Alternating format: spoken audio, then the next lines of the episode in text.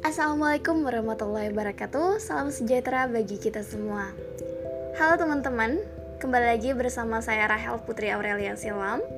Saya merupakan seorang mahasiswa bimbingan dan konseling Sekaligus seorang mahasiswa yang memiliki kategori special need Atau disability um, Pada podcast kali ini Saya akan membahas tentang isu mental health Teman-teman, mungkin kita sekarang um, banyak mengembar-gemborkan tentang kesehatan fisik.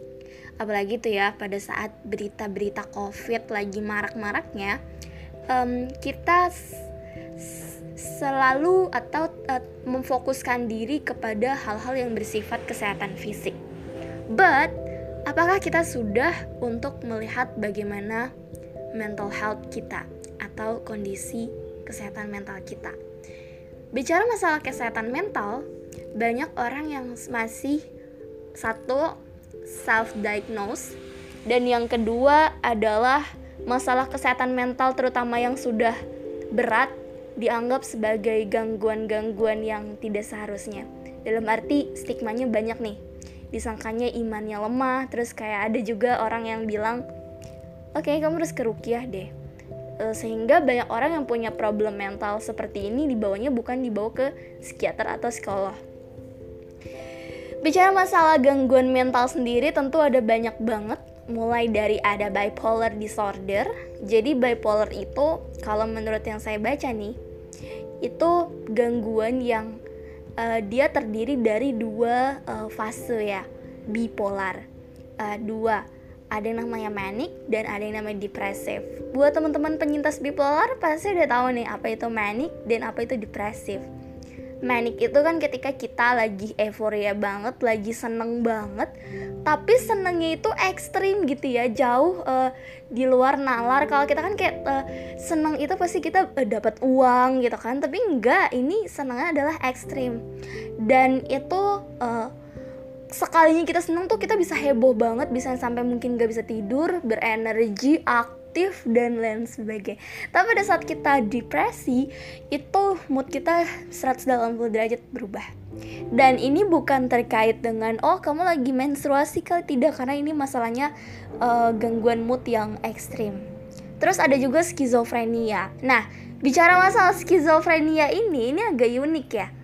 Karena uh, ada dua ada beberapa hal yang kita sering kait-kaitkan dengan gangguan mistik yang pertama adalah halusinasi.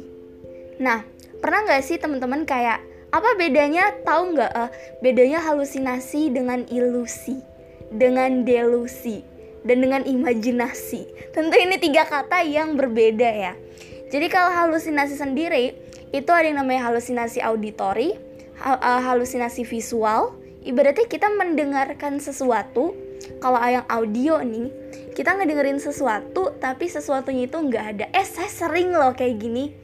Dan saya juga saya punya uh, punya problematika juga jadi saya itu cenderung sensitif sama hal-hal tertentu teman-teman.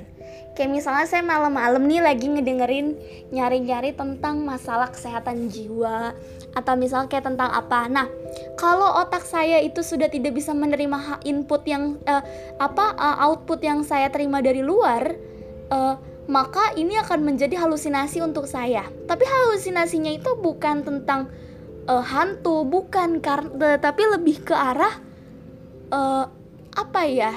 Sesuatu yang menurut di di dalam otak saya ini sebagai sesuatu yang membahayakan gitu. Apa pun lah berita itu tergantung orang yang membawakannya. Jadi saya bisa aja uh, halusinasi di sana. Jadi ketika saya mendengarkan sesuatu yang menurut prosesor otak saya ini ini sensitif nih. Akhirnya itu bisa menjadi hal yang menyiksa. Bahkan bisa sampai seminggu saya pernah dua minggu pernah jadi takut ditinggal sendiri ketika ditinggal sendiri itu mendengar hal hal-hal yang saya dengar ya misalnya nih ini contoh ekstrim misal saya lagi ngedengerin berita tentang bunuh diri nah ketika saya lagi sendiri dan di otak saya itu merecall apa yang saya dengar, itu bisa loh. Kayak ada ajakan untuk bunuh diri, itu bisa loh. Ya itu itu itu kurang lebih seperti itu ya. Jadi halusinasi itu kita mendengar sesuatu atau mendengar uh, sesuatu yang tidak nyata atau melihat sesuatu yang tidak nyata. Atau merasakan ya merasakan sesuatu yang tidak nyata sebenarnya. Nah banyak orang yang akhirnya mengait-kaitkan ini adalah gangguan mistik.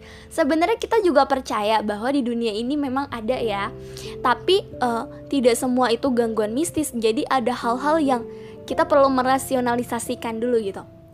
Nah yang selanjutnya adalah waham waham itu adalah keyakinan-keyakinan yang walaupun sudah dibuktikan dengan realita tapi dia masih tetap meyakini hal itu yang tidak masuk akal ada gak sih orang yang meyakini dirinya nabi? Terus nabi terakhir gitu ya nabi yang setelah diutus gitu kan. Padahal dia udah udah udah di, dikasih realitanya. Itu bukan karena dia pembohong. Bisa jadi karena dia emang punya keyakinan itu dan itu di, diterapkan secara kuat dalam pikirannya.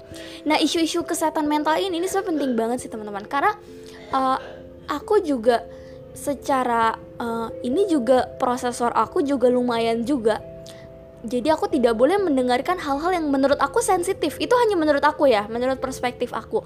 Dan satu hal ketika kita bertemu dengan orang-orang yang memiliki mental health problem atau memiliki uh, mental disorder atau apalah itu namanya satu kita tidak boleh mekaca dari perspektif kita sendiri. Ih kamu kok kayak gini? Takut sih. Masa kayak gini aja iseng?